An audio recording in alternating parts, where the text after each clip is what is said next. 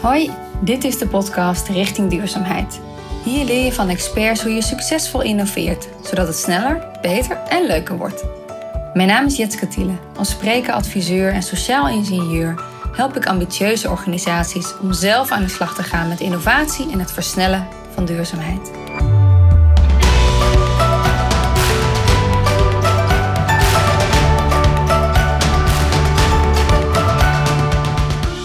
Plaats van uh, te focussen op die rampspoed en op dat negatieve wat er op je afkomt, uh, meer te focussen op wat er positief is aan de positieve beweging. Dus wat er uh, mooi is en gezonder en groener en leuker en socialer aan de oplossing eigenlijk. Um, want ja, dan je zou zeggen, als je blij wordt van de oplossing en daarvoor in actie wil komen, dan hoef je, heb je dat hele doemscenario bijna niet nodig. Aan het woord is Saskia Mulder, spreker en trainer voor de Verborgen Impact, klimaatcoach en jurylid van de Duurzame Top 100 van Trouw. Op Instagram deelt ze dagelijks inspiratie over haar reis richting duurzaamheid als de Social Reporter. Oh ja, en Saskia is ook nog uitgeroepen tot de meest positieve Nederlander van 2020. Van deze podcast steek je dus niet alleen wat op, maar word je ook een stuk vrolijker van. In dit gesprek ontdek je waarom alleen doemscenario's over klimaatverandering niet werken. Waarom emoties en verhalen meer impact maken dan feitjes en informatie. En hoe je met een positieve boodschap mensen sneller in beweging brengt. Ook ontdek je waarom je jezelf soms een klimaatdipje moet gunnen. Wat Saskia bedoelt met haar tegeltjeswijsheid, de enige manier om positief te blijven is door het niet altijd te zijn. Beluister de podcast en ontdek hoe we samen de golf verder in beweging kunnen zetten. De show notes vind je op www.jetsketiele.nl slash podcast. Veel plezier!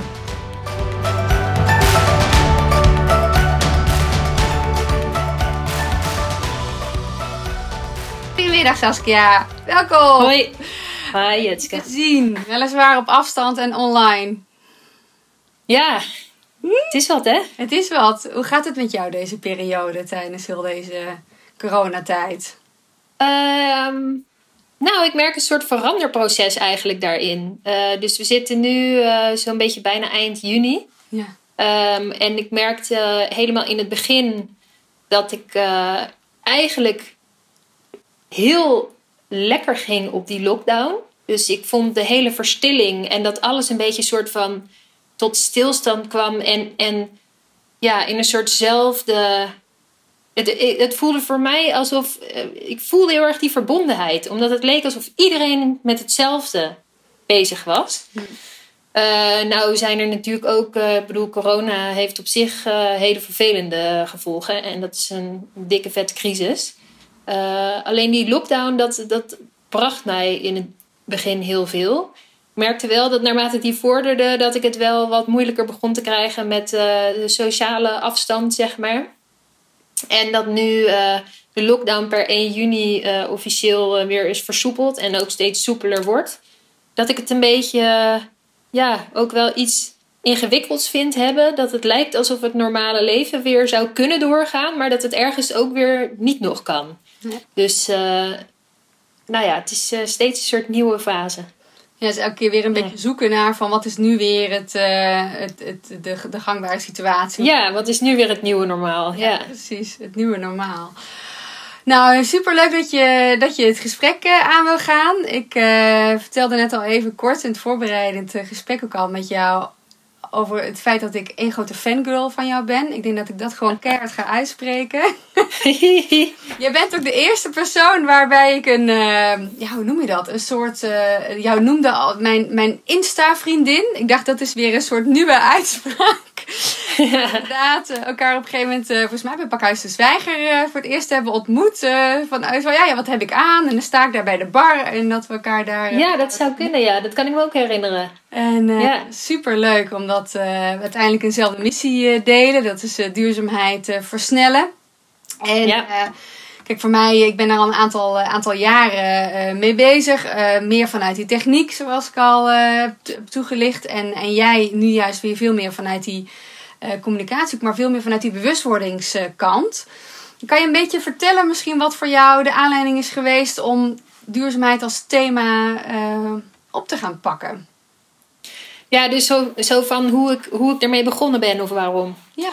Ehm, nou, ik, ik, ik dacht eigenlijk altijd dat ik al best wel uh, met duurzaamheid bezig was. Want ik kom uit best een milieuvriendelijk uh, gezin, zeg maar. Dus mijn ouders die waren altijd best wel ook bezig met milieu. Dus als kind vond ik dat best normaal om mee te krijgen. Ja. Um, dus uh, nou ja, ik deed dan van die dingen als dat ik mijn vensters uit mijn enveloppen scheurde. En ik stampte altijd al mijn drinkpakken plat voordat ik ze bij het afval deed. En ik... Um, uh, ik uh, uh, ving altijd, het, als ik warm water moest opwarmen, ving ik dat het op in een gieter. En dan gaf ik dan mijn plantjes van water. En ik deed zelfs, het, als ik dan boodschappen deed, dat ik dan ehm, in de Albert Heijn mijn boodschappen helemaal naar de voorkant van de, de loopband schoof. Om dan weer een stukje energie te, niet te verspillen. Um, alleen in 2016 ging ik naar Indonesië op reis. was ik onderdeel van een, van een project. En... Um, terwijl ik daar was, zag ik echt overal afval liggen. Echt overal. Hopen afval. In steden, maar ook in de meest idyllische bergplekjes met mooie uh, waterstroompjes. Dan dreef er zo'n uh, shampoo-verpakking langs. Um, en ik had eigenlijk zo'n idee van: jeetje, wat heeft het eigenlijk voor zin wat ik, wat ik doe aan de andere kant van de wereld? Als er ook dit gebeurt, zeg maar. Hier kan ik niet tegenop plat, platstampen van, uh, van drinkpakken. Um, en toen kwam ik terug en letterlijk diezelfde week werd Trump verkozen in Amerika. En toen sloeg er bij mij echt wel een beetje de paniek toe. Dat ik dacht van, maar die mensen die dit moeten regelen, zeg maar de overheid. Ik zag dat toch wel uh, een beetje als, um, die moeten dit gaan oplossen. Ja. Dat gaat op deze manier niet lukken. Dus dan moet ik het zelf doen. En uh, uh, Obama heeft een keer gezegd van wij zijn de eerste generatie die de gevolgen van klimaatverandering gaan merken en de laatste die er wat aan kan doen. Uh, en die quote las ik ook rond die tijd en toen dacht ik, hm, maar dat ben ik. En ik kan echt niet nu doorleven alsof er niks aan de hand is.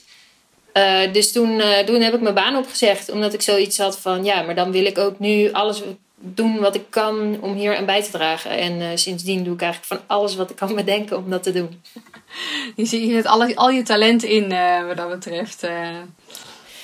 Ja, het, het grappige is dat ik heb een communicatieachtergrond en ik had het idee dat ik toen die eigenlijk achter me liet. Hm.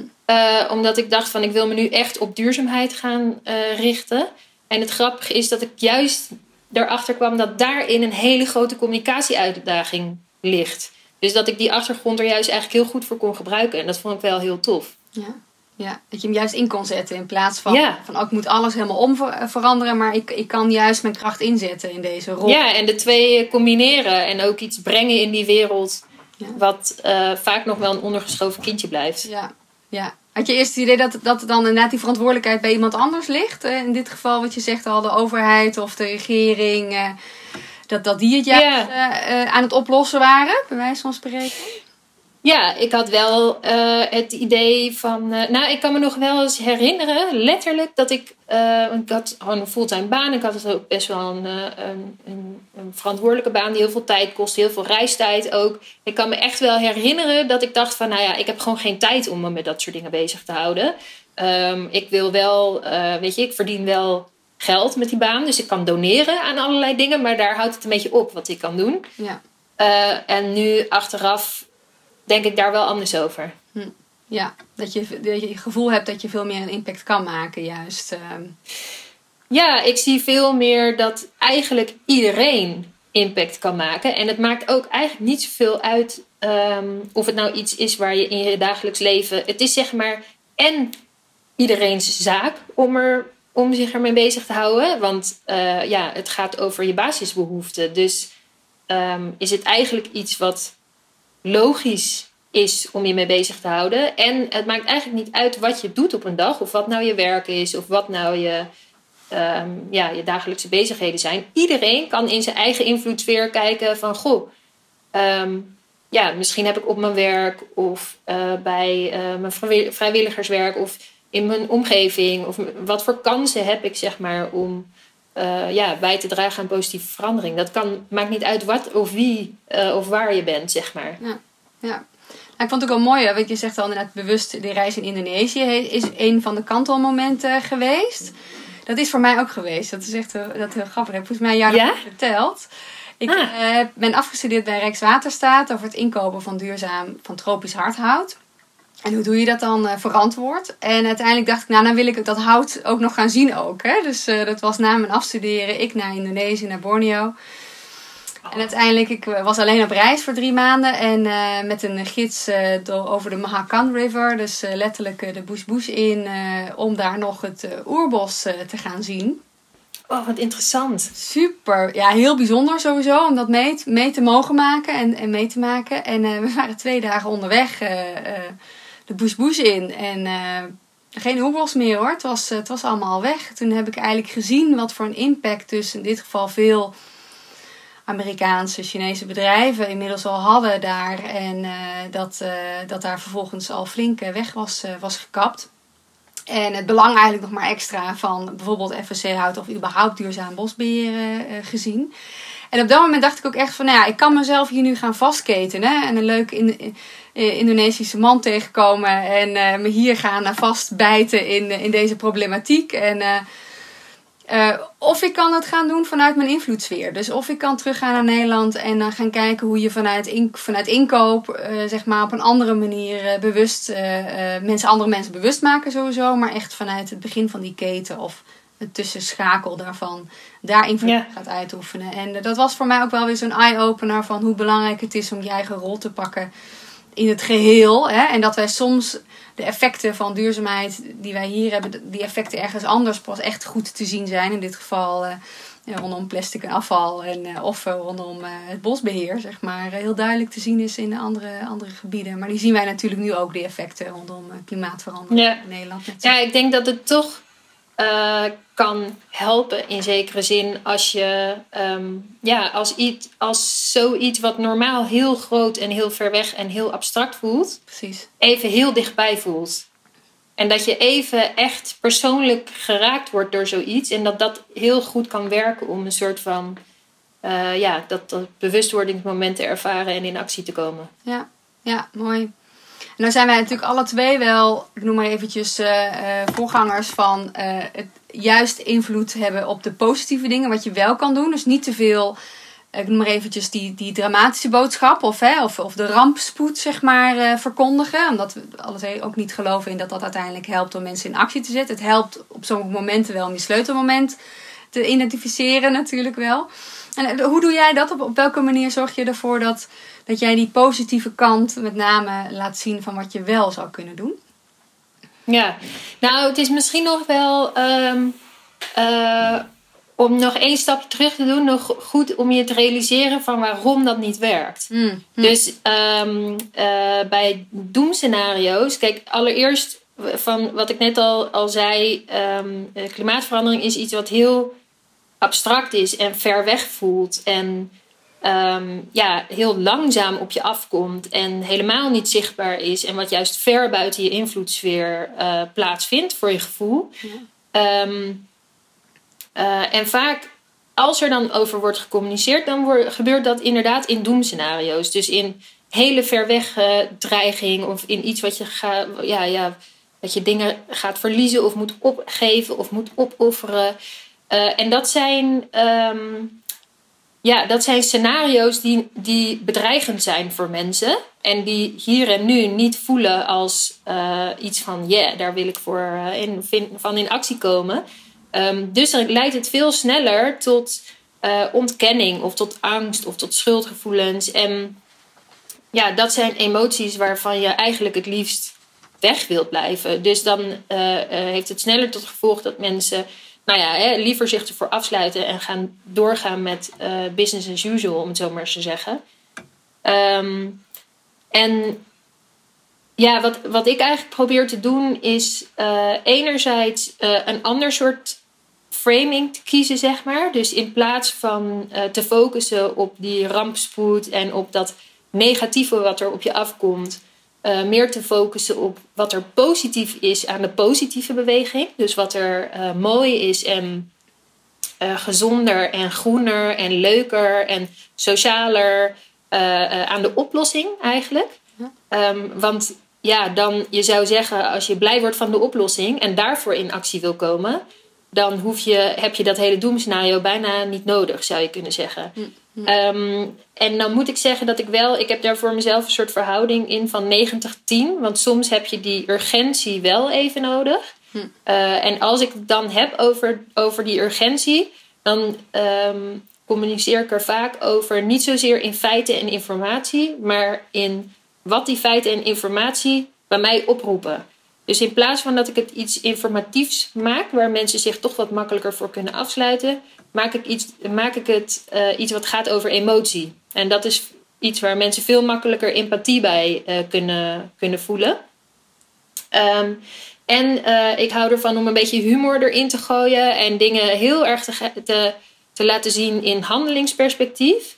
En dan ook op een manier dat je het laat zien in plaats van dat je het vertelt. Dus daarom als ik in mijn stories op Instagram het heb over duurzame daden, dan laat ik vaak iets zien wat ik zelf bijvoorbeeld aan het uitproberen ben.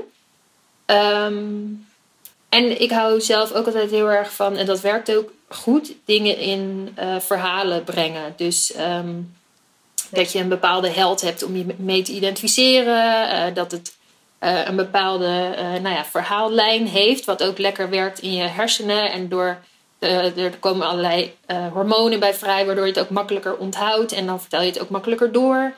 Um, ja, dus dat zijn allerlei. ja, gewoon vooral laten zien wat er wel gebeurt, zeg maar, in plaats van de focus op waar het misgaat. En dat is, ook, dat is ook iets waar je mensen in traint, hè? Met, dat, met, met vanuit van, goh, hoe, hoe kan je nou eigenlijk juist die verhaallijn uh, nou goed overbrengen? Dat doe je met, uh, vanuit duurzaam communiceren. Kan je daar iets over vertellen, hoe je dat doet? Ja, um, nou, we gaan, we gaan toevallig in september gaan we een nieuwe editie doen. En we hebben hem uh, nog een beetje aangepast zelfs. We noemen hem nu duurzaamheidsheld in je organisatie dat wij allebei het gevoel hadden van... Uh, ik doe dat samen met Janine, Janine Pothuis, een collega van mij. Ja. En zij is veranderkundige. Um, en uh, zij weet dus heel veel van die ja, veranderprocessen en van klimaatpsychologie en dat soort dingen. En ik dan, zit dan, voeg daar het communicatiestuk aan toe, zeg maar. En wij hadden allebei zoiets van... Um, ja, er zijn... Bij bedrijven ligt natuurlijk heel veel slagkracht eigenlijk om te doen. Uh, maar vaak praten we over bedrijven alsof het een soort entiteiten zijn. Terwijl bedrijven natuurlijk uit mensen bestaan. En op het moment, uh, er, er, lopen op zoveel plekken lopen er mensen rond in bedrijven. Die eigenlijk uh, een groen hart hebben en het belang van duurzaamheid inzien. Um, en, en die dus eigenlijk heel veel ja, zouden kunnen bijdragen aan die, aan die kanteling. Alleen daar misschien bepaalde vaardigheden voor nodig hebben. Uh, en wij hadden zoiets van: als we nou die mensen weten te vinden in de organisaties en die kunnen trainen om hun organisatie in beweging te zetten, dan, um, nou ja, dan heb je dus potentieel veel invloed. Dus, um, ja, dus we gaan echt dan kijken naar van waar liggen dan je talenten en waar, hoe ziet dan je invloedssfeer eruit bij je bedrijf en uh, hoe kun je dan echt op, een, op die positieve manier die beweging veroorzaken. Op zo'n manier dat, uh, nou ja, dat je collega's ook enthousiast worden om in beweging te komen. En, en dat het dus eigenlijk makkelijker, sneller gaat, zeg maar. Ja. Mooi. En, en merk je dan ook dat, dat het juist ook een soort... Mensen soms op zoek zijn naar een soort die, die groene bubbel. Dat, dat ze wellicht thuis wellicht al heel veel doen. En eh, dat kan natuurlijk ook heel verschillend zijn overigens. Hè, van wat is dan duurzaam? En dan kom je tot die, uh, bij die discussie. Eh, daar help ik dan weer organisaties veel mee. Maar dat, dat je dan juist die mensen dus identificeert over wie, wie zijn dan die drijvende krachten die je dan daarvoor nodig hebt. Dus hoe zij dan weer vervolgens daar zich aan kunnen, kunnen verbinden of aan, eh, aan kunnen koppelen. Ja. Merk je dat dat voor iedereen dan weer toch een beetje verschillend is of anders is? Andere haakjes zijn waar je uh, aansluiting kan vinden bij deze duurzame helden in de organisatie? Uh, of, of, of die duurzame helden zelf verschillen bedoel je? Of dat ze in de, uh, in de organisatie de haakjes moeten vinden om bij aan te sluiten? Ja, meer de duurzame helden zelf. Dat het, dat het niet allemaal per se hetzelfde type hoeft te zijn. Dezelfde type groene mens, noem ik het dan maar even. Oh ja, zeker. Je hebt er echt. Um, uh, er is ook wel onderzoek naar gedaan, naar de verschillende type groene mens, zeg maar. Um, en dat gaat heel erg over nou ja, waarden die mensen dan hebben en welke waarden dan overheersen. En dat kan dan gaan over, ehm, nou ja, sommige mensen, daarbij gaat het echt om de waarde van uh, nou ja, een betere wereld willen achterlaten, bijvoorbeeld. Sommige mensen gaat het meer over het sociale aspect. Bij andere mensen gaat het weer meer over. Ehm, nou ja, hè, van wat, levert het me op, bijvoorbeeld. Dus um, daarom, dat, dat is ook echt dat. Vaak hebben we als mensen uh, het idee dat het een beetje zo volgens het klassieke communicatiemodel werkt. Van je hebt een zender en er is een boodschap en dan komt er hier een ontvanger. Um, maar eigenlijk is de allereerste stap is je verdiepen in wie is nou die ontvanger, wat vindt hij belangrijk, wat drijft hem, wat brengt hem in beweging, waar wordt hij enthousiast van. En dan ehm, zoeken naar hoe kun jij dus jouw boodschap zo formuleren dat je diegene helpt om in beweging te komen. In plaats van dat je denkt, wat wil ik eigenlijk vertellen? En dat dat misschien helemaal niet aankomt. Want dan is het ook niet effectief. Ja, ja, want heb je dat ook gemerkt zelf? Dat in het begin, noem ik het dan maar even, dat sommige boodschappen helemaal niet effectief uh, waren. Toen jij heel fanatiek met allerlei weetjes aan de gang ging uh, rondom duurzaamheid. Ja. Wanneer werkt het niet? dus ook wel belangrijk om daarvan te leren. Ja, zeker. Uh, ik denk dat, en dat zie ik ook wel bij veel mensen om me heen, dat moment heb ik in het begin zelf ook wel gehad. Dat ik zo in shock was. En dan is wat ik vaak wel zie is dat. Eh, misschien is het ook een bepaald type hoor, maar dan, dan ben ik in ieder geval een van dat type, zeg maar. Dat ik een soort informatiespons werd. En uh, op het moment dat mijn ogen eenmaal open waren, om het zo maar te noemen, wilde ik ook alles aan informatie wat ik maar kon vinden helemaal verslinden. En dan elk stukje informatie, eigenlijk raakte ik nog meer, uh, de, de, voelde ik nog meer de urgentie van. Dus kwam ik helemaal in zo'n soort nou ja, fight, flight, freeze uh, modus. Uh, misschien wel alle drie tegelijk bijna.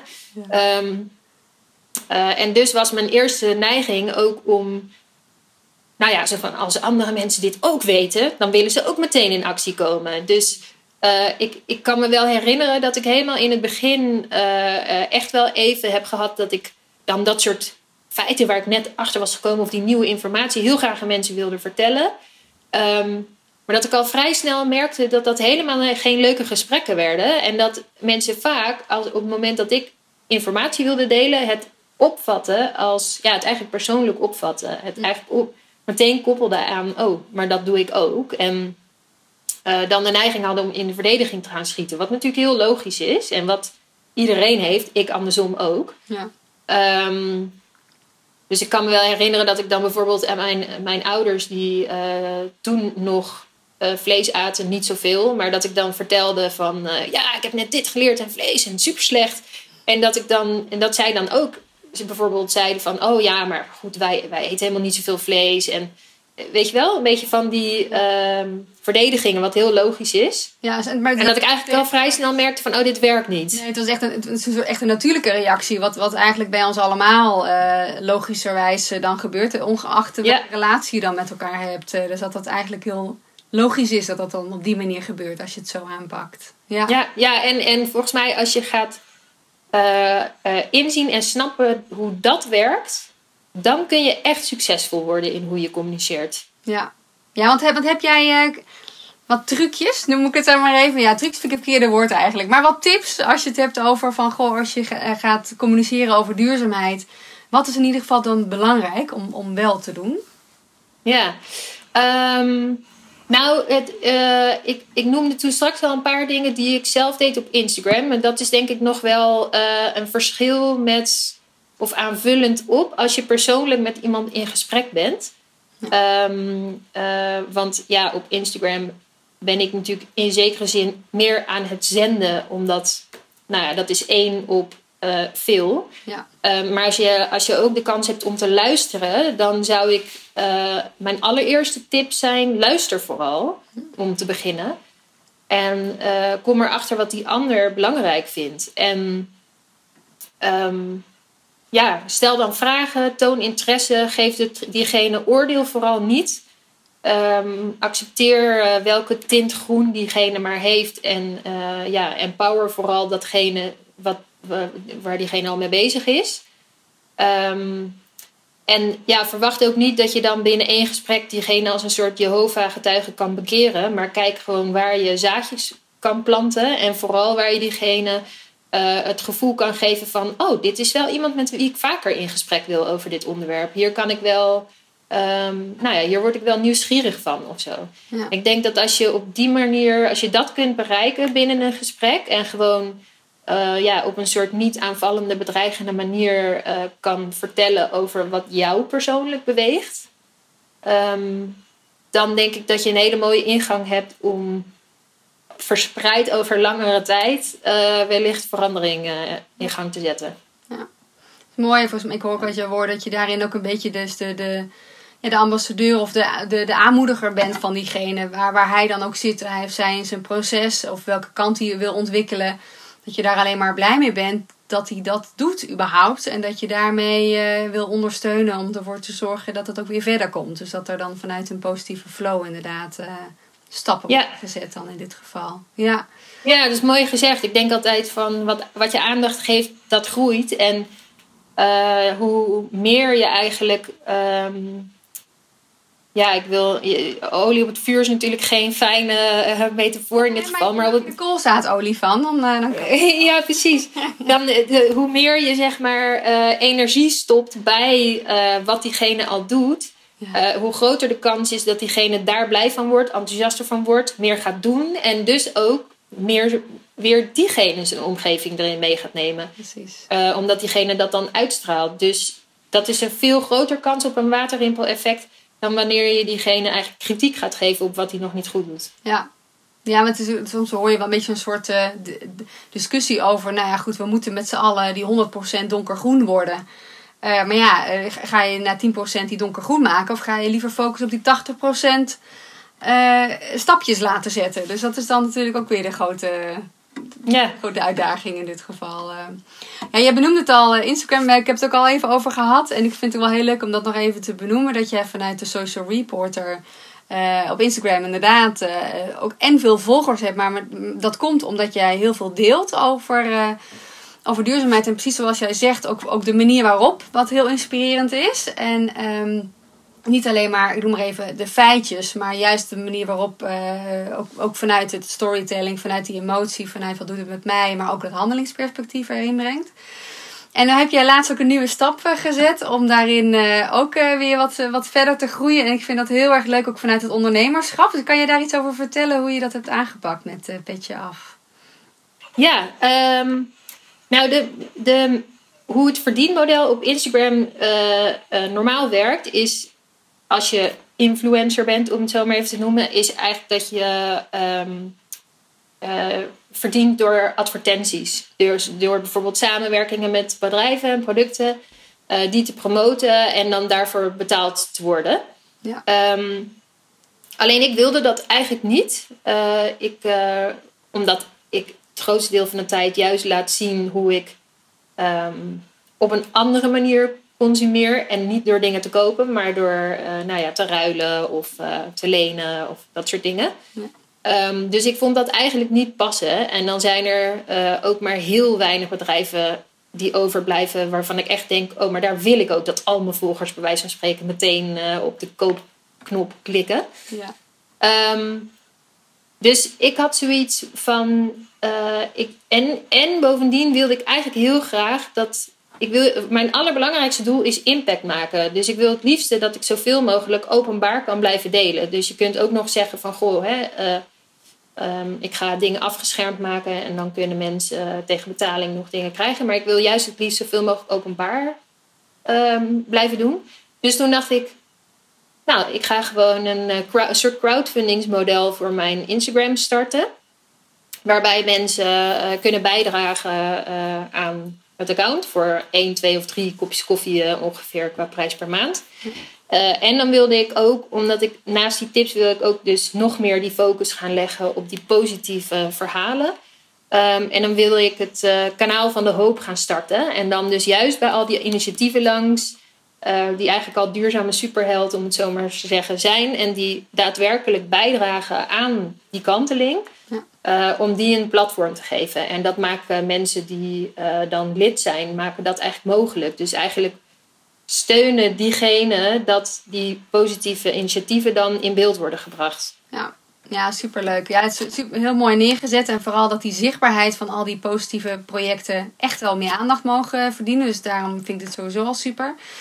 En voor, voor degene die dan, hè, namens, ik noem maar even, achter de schermen dan uh, dat meekrijgen, dus onderdeel van die crowdfunding, heb jij een soort beste vrienden versie. Dus dan op het moment dat jij stories maakt, kunnen wij een soort van achter de schermen kijken hoe je dat dan doet en waarom je bepaalde keuzes maakt en hoe jij dingen overbrengt. En dat is, dat is ontzettend leerzaam en niet zozeer alleen voor duurzaamheid, dat, daar gaat het wat mij betreft om, maar sowieso algemeen over uh, hoe, hoe, pak je dingen aan, hoe, hoe, hoe breng je dingen uh, over, dat het ook daadwerkelijk aankomt. Dus ik vind dat, dat is heel waardevol. Het is echt heel leuk hoe je dat doet. Nou, volgens mij ook fijn steeds beter. Heel veel mensen die zich daar ook voor aanmelden. Dus en dat, dat mag natuurlijk altijd nog meer. Want precies wat je zegt, je doet het heel erg vanuit, vanuit de passie. Maar ook goed om dat ehm, steeds professioneel, professioneler, het groter ook te maken. Ja.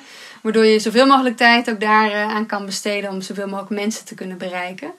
Dus ja, mijn, mijn droom is eigenlijk dat ik zelfs nog de professionaliseringsslag kan gaan maken. Dat ik op een gegeven moment echt een heel, uh, op dat kanaal van de hoop dan, dus op die positieve initiatieven, echt een, een productieteam heb zitten en uh, misschien zelfs wel een cameramens en ja. uh, een redactie en um, Precies. nou ja, hè, bedenk het allemaal maar, maar dat we gewoon eigenlijk bijna een soort eigen tv-kanaal zeg maar kunnen gaan beginnen, zodat dat echt alleen maar groter en groter en groter wordt. En één groot waterrimpel-effect uh, met, uh, veel, uh, met een heel groot platform. Ja, precies. Nou, goed dat je je droom uitspreekt. Dat is belangrijk inderdaad. En het visueel, visueel maken, dat, dat doe je dan hartstikke mooi.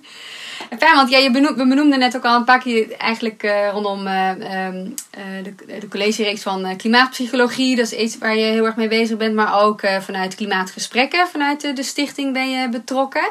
Hoe is dat om dat te doen? Zo dat, die gesprekken met, met mensen die daar mee bezig zijn. Ja, de klimaatgesprekken daarbij. ik ben heel erg fan van die methode. En daar ben, voor, ben ik dus de klimaatcoach bij. Ja. Dus wij werken eigenlijk met, um, ik geloof, als ik het goed zeg, meer dan, op meer dan 70 plekken in Nederland. Met nou, misschien wel meer dan 100, maar ik weet niet precies wat de aantallen zijn. Uh, klimaatcoaches door het hele land. Misschien zijn het er nog wel veel meer dan dat. -huh.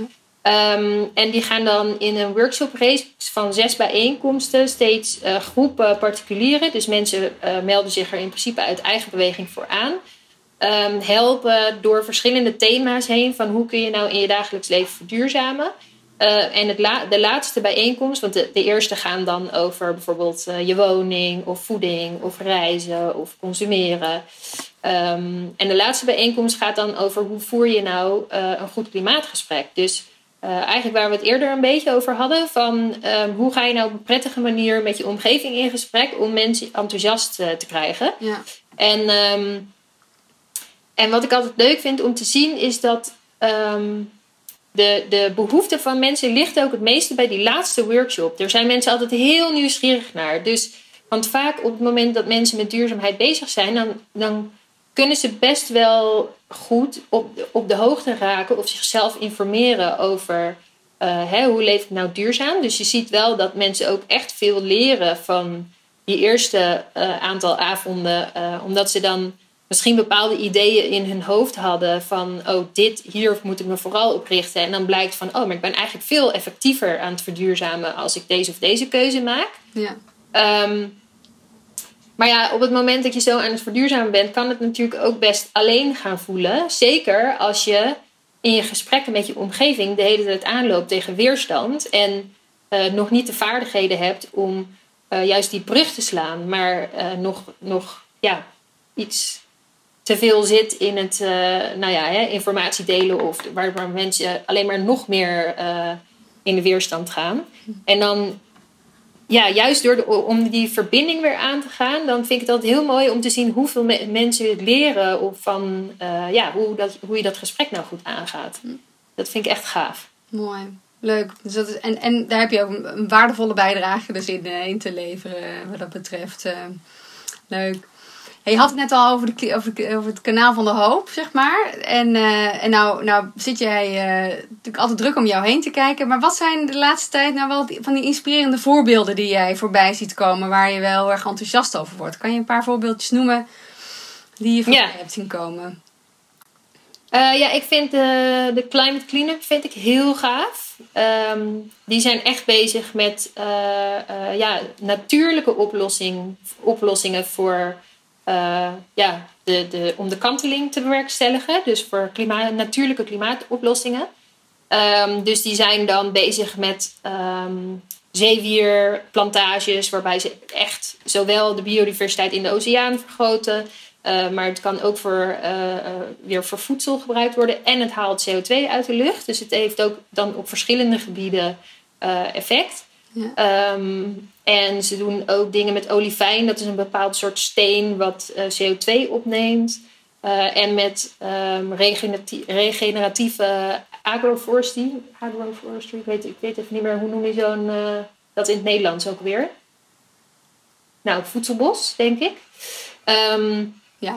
Dus dat vind ik gave um, oplossingen. Ja, omdat het ook uh, op is, wat je zegt. Hè? Van dat het niet alleen maar op één specifiek probleem een oplossing is, maar juist de combinatie van. Ja, ik hou altijd heel erg van, die, van initiatieven die bruggen bouwen. Dus waarbij um, nou, bijvoorbeeld een ander initiatief wat ik tof vind, dat is de, de fruitmotor. Die maken dan cider van fruit wat anders verspeeld zou, zou worden. Um, maar ze werken ook samen met boeren. Ze doen ook iets om biodiversiteit te vergroten. Uh, ze zijn ook de, de true price, de echte prijs van hun product aan het doorrekenen. Ze doen ook iets met uh, kennis, kennisdeling. Uh, of, nou ja, PTT is er nog eentje. Ja. die um, zaaien dan de, de randen van de akkers van boeren in met inheemse kruiden uh, en planten. En uh, daar wordt dan uiteindelijk thee voor, van gemaakt, waardoor je dus ook weer en de biodiversiteit vergroot en boeren helpt uh, om daar een verdienmodel ook aan te verbinden. Ja. Um, en je hebt ook lokale thee. nou ja, en dus, ik, ik hou altijd heel erg van mensen die um, ja, echt kijken naar verschillende soorten impacts. En dus ook allerlei verschillende dingen proberen. Ja, leuk. En, en ja, een van jouw, volgens mij, basisgegevens uh, als je het hebt over eh, de verborgen impact. Dat is ook uh, natuurlijk waar jij ook trainer uh, voor bent. is misschien wel leuk om dat ook nog te benoemen. Dat jij dat niet zozeer alleen ook voor maar even consumenten, maar juist ook bij bedrijven of organisaties daar ook trainer voor bent. Hoe, hoe, is dat om daar samen op te trekken? Oh ja, um, ik, ik vind ik, uh, toen ik net dat moment had van: uh, oké, ik wil aan de slag om de wereld duurzamer te maken, toen kwam ik ook ongeveer op de Verborgen Impact. Mm. Dat is een boek geschreven door Babette Porcelein. En toen ik dat boek las, dacht ik: oh, maar als iedereen dit weet, dan, um, dan is het eigenlijk zo opgelost. En verborgen impact gaat over uh, hoe kun je nou het meest effectief verduurzamen in je dagelijks leven. En het is allemaal gebaseerd op ketenanalyse. Dus het is helemaal, eigenlijk het gedrag van een gemiddelde Nederlandse consument is helemaal doorgerekend in de keten. En het leuke daaraan is, is dat uh, bij de consument zit je natuurlijk eigenlijk aan het, aan het einde van die keten, dus waar een product uitkomt. Uh, maar je kunt het dus best goed doorvertalen naar alle stapjes daarvoor in de keten. Dus een rol die, uh, de rol die bedrijven hebben. Um, en wat ik eigenlijk altijd merk is dat uh, juist door bij bedrijven het zo inzichtelijk, zoals ik al zei, hè, bij bedrijven zitten ook gewoon mensen. En vaak door het over um, best wel abstracte dingen te hebben of over de rol van een bedrijf te hebben het is toch soms wat lastiger voor mensen om zich dan echt persoonlijk aangesproken te voelen. En ook echt persoonlijk die verbeelding te hebben van. Ja, maar wat betekent dit nou precies voor mij? En hoe kan ik dit nou vertalen naar mijn eigen rol? Ja. Um, en ik merk dat uh, door, um, ja, door het zo uit te leggen van keuzes van je dagelijks leven, merk ik dat het voor mensen in bedrijven, dus in hun rol in een bedrijf, veel makkelijker is om dat dan te vertalen naar, aha, oké, maar op deze manier spelen wij hier een rol in. En hier zitten wij in die keten. Ja. Uh, dus ja, dus hier in dit schakeltje kunnen wij eigenlijk een heleboel doen. Ja. En ik merk dat dat altijd, uh, dat het makkelijker is voor mensen om dat privé en dat dagelijkse handelingsperspectief te vertalen naar die grotere rol van het bedrijf dan andersom. Ja.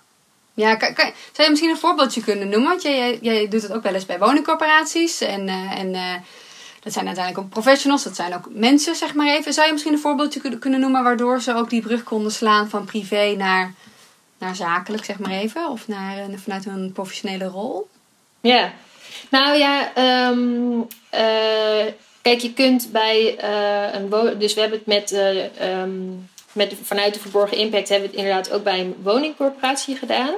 En daar kun je, je, je, ziet eigenlijk dat er um, drie invloedssferen zijn. Dus je hebt echt je interne organisatie. Dat gaat dan over, nou ja, de koffiekopjes en de printers en de papier. Of print je nou een e-mail wel of niet uit.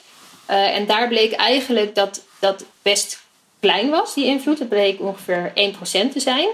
Um, en dan 99% van de impact van die woningbouwcorporatie zat in uh, de woningen die ze verhuurden, om die te gaan verduurzamen. Ja. Uh, nou ja, dat is natuurlijk best wel goed te vertalen van jouw privésfeer en jouw huis naar de impact die je dan als woningbouwcorporatie hebt. Uh, en het leuke is dat daar nog een soort vervolgstap mee is gemaakt. Van, um, om niet alleen maar naar die, die eerste twee ringen te kijken. Uh, van hè, waar zit nou je, je invloed of je impact in het primaire proces en in de interne organisatie. maar ook naar hoeveel impact zit er nou in je invloedssfeer. Dus um, is er eigenlijk gekeken naar hoeveel zou je nou kunnen bijdragen aan verduurzaming als je uh, je invloedssfeer gaat inzetten, of eigenlijk je invloedssfeer gaat helpen om te verduurzamen. En in hun geval waren dat dus de bewoners ja. die hun woningen huurden. Um, en uit mijn hoofd was het zo dat ze uh, eigenlijk voor, dat daar 300% van hun impact zat. Wat dus eigenlijk betekent dat als zij hun bewoners zouden helpen om te gaan verduurzamen, dan zouden ze netto ecopositief, zoals we dat dan noemen, worden. Wat dus eigenlijk betekent dat je uh, niet alleen de impact die jij hebt als bedrijf soort van wegcompenseert, maar zelfs inderdaad die kanteling de andere kant op maakt. Namelijk dat je echt daadwerkelijk uh, aan het oplossen bent. Ja. En dat ook een beetje ook zelf ziet dat, dat je een onderdeel bent van een ecosysteem. ja, ja, ik denk dat alles en iedereen uh, onderdeel is van een ecosysteem op uh, kleiner en groter niveau. Ja. ja, het is belangrijk dat we dat ook inzien en dat we dat ook inzetten. Dat is dan weer eh, de grote, de grote uitdaging natuurlijk. Ja, want Saskia, als je dan nu zo eens terugkijkt, want je bent eh, uitgeroepen tot de meest positieve Nederlander van, uh, van 2019, was dat zo? 2020, in januari. Grappig hè? Dus ik kan echt de rest van het jaar heel negatief zijn. Oh, een... Ja, het voelt alsof het alweer vorig jaar was, maar het is nog gewoon dit jaar geweest. Ja. En um, je bent met heel mooie, hele mooie samenwerkingsprojecten bezig. Maar als je dat nu eens op terugkijkt van... Goh, waar ben jij eigenlijk voor jezelf trots op wat je hebt bereikt uh, het afgelopen, de afgelopen periode? Um, nou, ik vond, het, ik vond om die uh, um, award van meest positieve onbekende Nederlander te winnen... dat vond ik wel echt een, ja, een hele mooie... Laat ik het zo zeggen, als er een prijs was die ik had willen winnen, dan was het die wel. Want, en vertel um, Nou, ik denk dat. Um, ik denk dat het precies gaat over alles waar ik in mijn werk probeer um, impact te maken en mijn waarde probeer in te stoppen. Dus uh, ja, je kunt positief zijn in de zin van dat je de hele tijd als een soort blij ei uh, rondloopt en blind bent voor, uh, ja, voor problemen of zo. Maar ik, ik, ik heb een tijdje geleden had ik een tegeltjeswijsheid bedacht, namelijk de enige manier om positief te blijven is door het niet altijd te zijn. um, en ik denk dat juist door, uh, ja, door, door een soort van echt dat grote wereldprobleem aan te kunnen kijken en dan de keuze te maken van, nou ja, hè, met uh, um, wegkruipen in een hoekje van de bank en maar opgeven bereik je ook niks. Ook al voel je je soms wel zo. Dus is het soms wel zaak om ook daar even bij stil te staan. Ja. Uh, alleen dan toch elke keer weer te zoeken naar oké, ik heb weer even mijn uh, klimaatdipje gehad, zeg maar. Ehm, en nu is de kans weer, of de, de, de kunst weer om te zoeken naar hoe ga ik weer in mijn invloedssfeer uh, ja, wel verschil maken. Want daar word je uiteindelijk ook blijer van en dus positiever. Ja, dat is mooi. Daarmee blijf je ook heel erg authentiek. Hè? Want, want we, hebben, we zijn gewoon mensen met, met ups en downs, eh, sowieso. Maar ook rondom dit thema. En, en je laat ook zien wanneer het gewoon even niet of minder fijn is. Of dat je het ook even niet meer weet. Of even. Ja. Dus daarmee niet alleen maar op een soort high level blijven zitten. Uh, maar ook ja, letterlijk een echt mens zijn wat dat betreft. en daarmee heel open in je proces. Dat vind ik heel mooi om te zien. Ja. Ja, sterker nog, ik denk eigenlijk dat juist als we ook um, het durven om een beetje die kwetsbaarheid open te gooien en ook daarin mensen mee te nemen, dat dat heel verbindend kan werken. Want het is nou eenmaal niet zo dat we, weet je, we staan voor de grootste uitdaging waar de mensheid ooit voor heeft gestaan.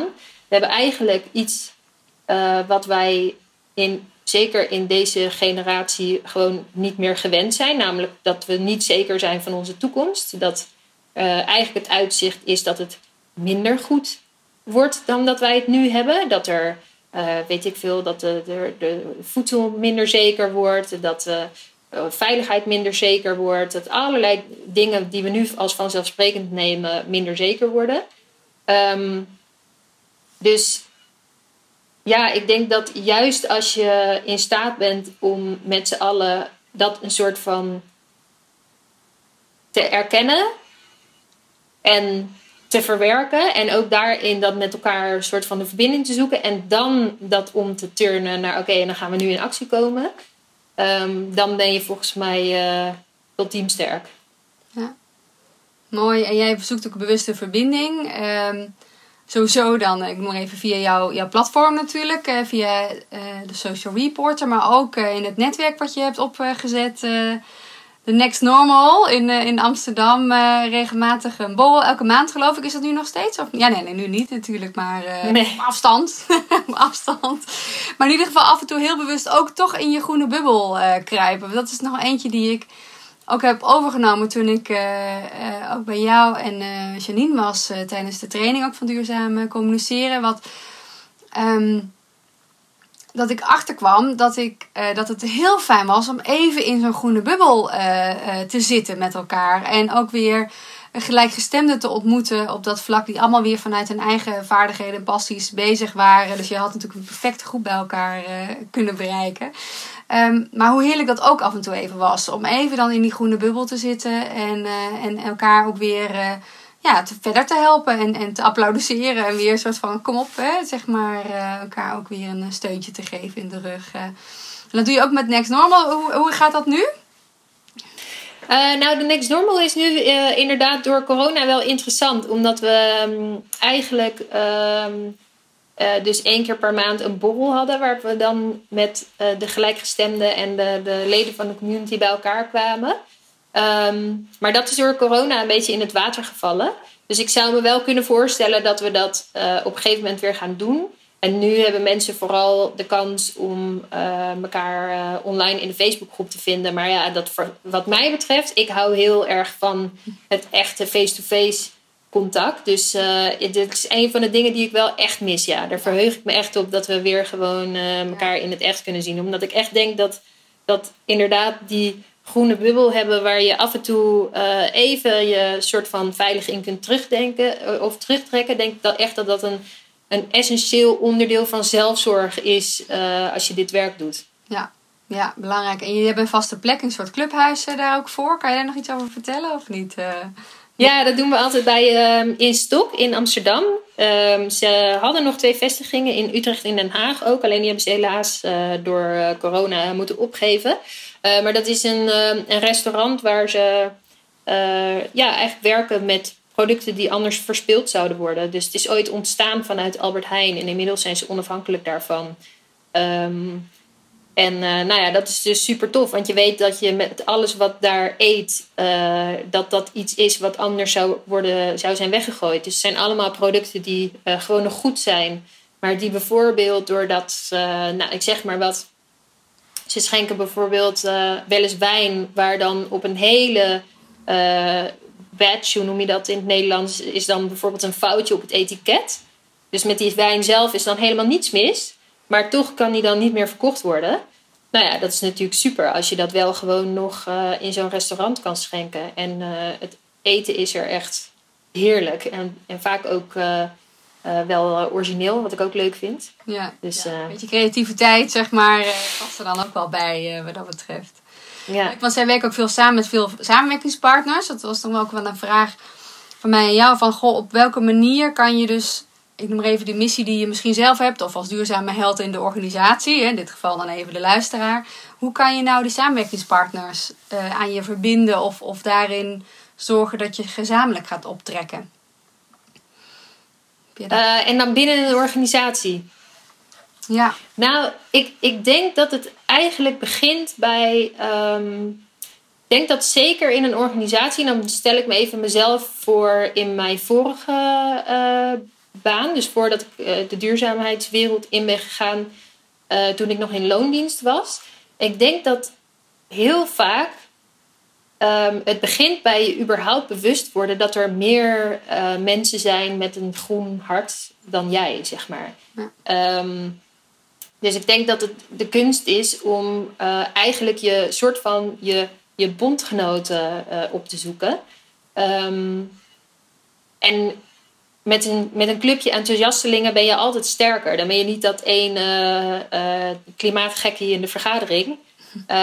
maar hè, dan kun je kun je samen optrekken en misschien leuke, ludieke, enthousiaste dingen bedenken. Dus ik denk dat het uh, op het moment dat je, ja, ik, wat ik zelf denk ik zou hebben gedaan, nu achteraf. Yeah. Um, uh, ik zat bijvoorbeeld in de ondernemingsraad. Dat is iets waarvan ik nu achteraf denk, oh, als ik toen al uh, dit bewustzijn had gehad, zeg maar, dan had ik echt graag, want daar heb je natuurlijk echt een goede uh, rol in een, een, mooie. Weet je, daar wordt je invloedssfeer echt groter. Ja. Uh, dus dan had ik het zeker daar op de agenda gezet en ingebracht. En wat ik denk ik ook had gedaan, was gewoon uh, een berichtje of misschien een soort ludieke actie bedenken. Of gewoon überhaupt al op het intranet een berichtje gezet van. Goh, het lijkt mij echt heel leuk om eens na te denken over hoe we meer met duurzaamheid kunnen doen vanuit onze rol en binnen onze organisatie. Wie vindt dat ook leuk en nou ja, heeft daar tijd voor. En zijn zo vaak is het zo dat um, maatschappelijk verantwoord ondernemen of duurzaamheid of wat dan ook ook wel ergens op de agenda staat. Vaak dan uh, hebben leidinggevenden die daar dan verantwoordelijk misschien voor zijn, als een soort portefeuille erbij. En dan, weet je wel, het, het, kan, ze, het, het zal je vaak verbazen hoe fijn het eigenlijk wordt gevonden op andere plekken in de organisatie. Als er mensen zijn die daar echt passie voor hebben en die er ook iets mee willen doen. Want vaak moeten bedrijven of organisaties er wel mee, iets mee. En eigenlijk help je ze daar dan dus mee. Dus uh, ik denk dat het dan ook best wel goed mogelijk is om naar je leidinggevende te gaan en te zeggen: joh, ik vind dit heel belangrijk. Uh, ik zie dat deze en deze trends er zijn en deze behoeftes. En ook in de markt, hè, maak het al eigenlijk een beetje, doe al een beetje je vooronderzoek en maak het, pitch het zo dat het ook klopt bij een pijn die, die dat bedrijf misschien al heeft, of, of een verplichting. Ja. Um, en zeg dan van, uh, nou ja, dit zijn de kansen die ik zie. En ik wil daar eigenlijk tijd voor. Of uh, nou ja, op, een, op de een of andere manier worden ondersteund om daar iets mee te gaan doen. Ja. Ja, heel goed. En dat is heel waardevol. Want vooral, en daar is het ook wel leuk als je ziet dat er ieder zijn eigen rol kan pakken. Want ik noem maar even de, degene die wat meer, ik noem maar even, in de Excel zit en uh, de lijstjes moet afvinken, die kan je wel heel erg helpen om vervolgens net het budget vrij te maken om iets te voor elkaar te gaan brengen. Of de, een voorstel te doen naar het bestuur, terwijl jij dan misschien de enthousiasteling bent die, uh, die een uh, leuke proeverij in de kantine gaat doen om daar, um, daar bijvoorbeeld een suggestie te doen qua verandering. Ja, dan ja. is diegene, noem maar even van de Excel sheet misschien weer niet zo van. Dus zo, zo dat kan je zo elkaar weer heel erg ja, precies. En, en ook, uh, het is ook interessant om in kaart te brengen van waar in je organisatie de grootste uh, kansen liggen en welke personen daar dan bij horen. Ik had laatst, uh, was ik een kopje koffie aan het drinken met een, een, een werkconnectie van mij, zeg maar. En die zei van, van goh, ik kwam afgelopen week ineens tot het inzicht hoe groot, groot de slagkracht eigenlijk is die ligt bij de inkopers van deze wereld. Want daar zit natuurlijk zo'n gigantische keten achter. Ja. Uh, en, en nou ja, in, in mijn oude baan was ik daar bijvoorbeeld nooit zo heel erg mee in contact of zo. Dus ik wist ook eigenlijk niet precies wat zij deden. Maar nu achteraf denk ik, jeetje, wat een gemiste kans. Als ik dat had geweten, dan uh, de inkopers van deze wereld... die beïnvloeden hele ketens achter zich. Er ligt gewoon echt een mega kans als je die in beweging kan krijgen. Ja, absoluut, absoluut. Mijn eerste baan was... Uh criteria opstellen voor duurzaam inkopen van de, voor de overheid. Ah, wat goed. Nou, ja, fantastisch. Ja. Maar gewoon, en, en dat je dan achterkomt, um, ook hoe moeilijk het is om, om tussen de oren te krijgen waarom bepaalde criteria dan belangrijk zijn, zeg maar even. En, en, en dus ze staan er echt wel voor open. Maar eh, de, de, zoektocht was een beetje wat zijn dan handreikingen om het daadwerkelijk te kunnen doen. En wat zijn dan de afwegingen? Dan wordt het weer even het financiële ten opzichte van duurzaam. Maar dat vind ik wel heel leuk om nu te zien dat voor bedrijven bijvoorbeeld nu juist eerder het aantrekken van jong talent of überhaupt nieuw talent, dat dat een reden is om juist met duurzaamheid aan de gang te gaan. Ja. Dat ze nu merken, ja, maar we moeten iets doen met, met dat thema en die, dat stukje zingeving en, en beleving. Want anders krijgen we gewoon geen nieuw goed personeel eh, binnen. Nou, ik vind het prima als dat de reden is. Ik vind het helemaal goed. En dan komt die bewustwording vanzelf wel, zeg maar. Ja. Dus zo, heeft, zo zijn er misschien andere momenten waarin bedrijven dan op een gegeven moment uh, ja, aangaan, zeg maar, uh, op, uh, op het thema en in beweging komen. En vervolgens dan ook weer hun eigen taal daar ook aan koppelen. Dat zou ja. wel het mooiste zijn. Nou ja, en daarmee benoem je eigenlijk precies de essentie, hè, van dat een beetje de kunst is om um, te gaan kijken van niet van wat zijn jouw eigen beweegredenen om ermee aan de slag te gaan. En hoe kun je die beweegredenen redenen overbrengen op de ander. Uh, maar wat zijn de beweegredenen van de ander of van het bedrijf waar je bij kunt aansluiten? Of dat nou uh, uh, financieel is of inderdaad aantrekken van jong talent. Of, ja. um, en dan op die manier de ingang vinden en, en het versterken. Want dat scheelt jezelf ook heel veel werk en het maakt de kans op effect en, uh, en succes veel groter. Ja, mooi. Dankjewel Saskia. Wij gaan, uh, wij gaan afronden. Wat mij betreft uh, praten we nog drie uur door. Maar laten we dat een ander moment dan ook nog doen. Want er is nog heel veel te leren op dit, op dit vlak. En ik ben heel blij dat er steeds meer mensen daar ook echt heel erg in geïnteresseerd zijn. Dus daar heb jij een mooie rol in, in te vervullen. Is er nog een laatste, laatste uitsmijter of een, uh, misschien een, uh, een oproep die, die je wil doen uh, aan de luisteraar? naar aanleiding van je, misschien je eigen levenslessen?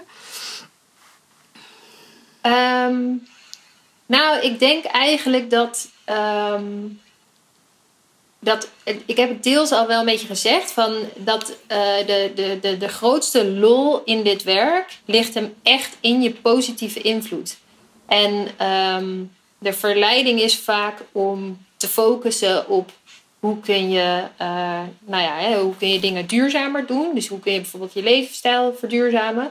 Maar daar zit een soort limiet aan. Hè? Want als je bestaat, dan heb je altijd impact. En je kunt nou helemaal niet stoppen met ademen of zo. Um, maar op het moment dat je echt goed gaat kijken naar wat is nou mijn invloedssfeer, welke rollen heb ik allemaal en waar liggen daar de kansen om te verduurzamen, dan wordt het een soort spel. En dan uh, dan wordt het echt leuk. En dan ga je uh, leuke mensen leren kennen en, en de verbinding aan. En dan wordt het.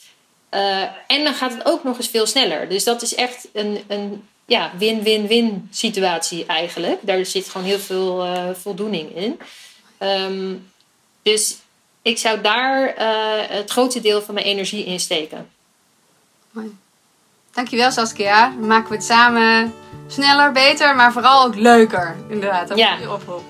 Jij ook bedankt. super.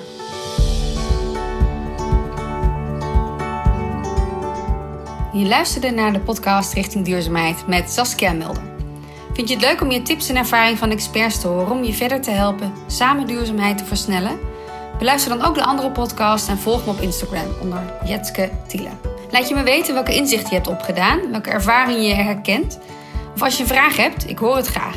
Laat het achter op een van de social media kanalen of stuur me een bericht naar mail.jetsketiele.nl Voor nu veel ontdekplezier in jouw reis richting duurzaamheid en graag tot de volgende!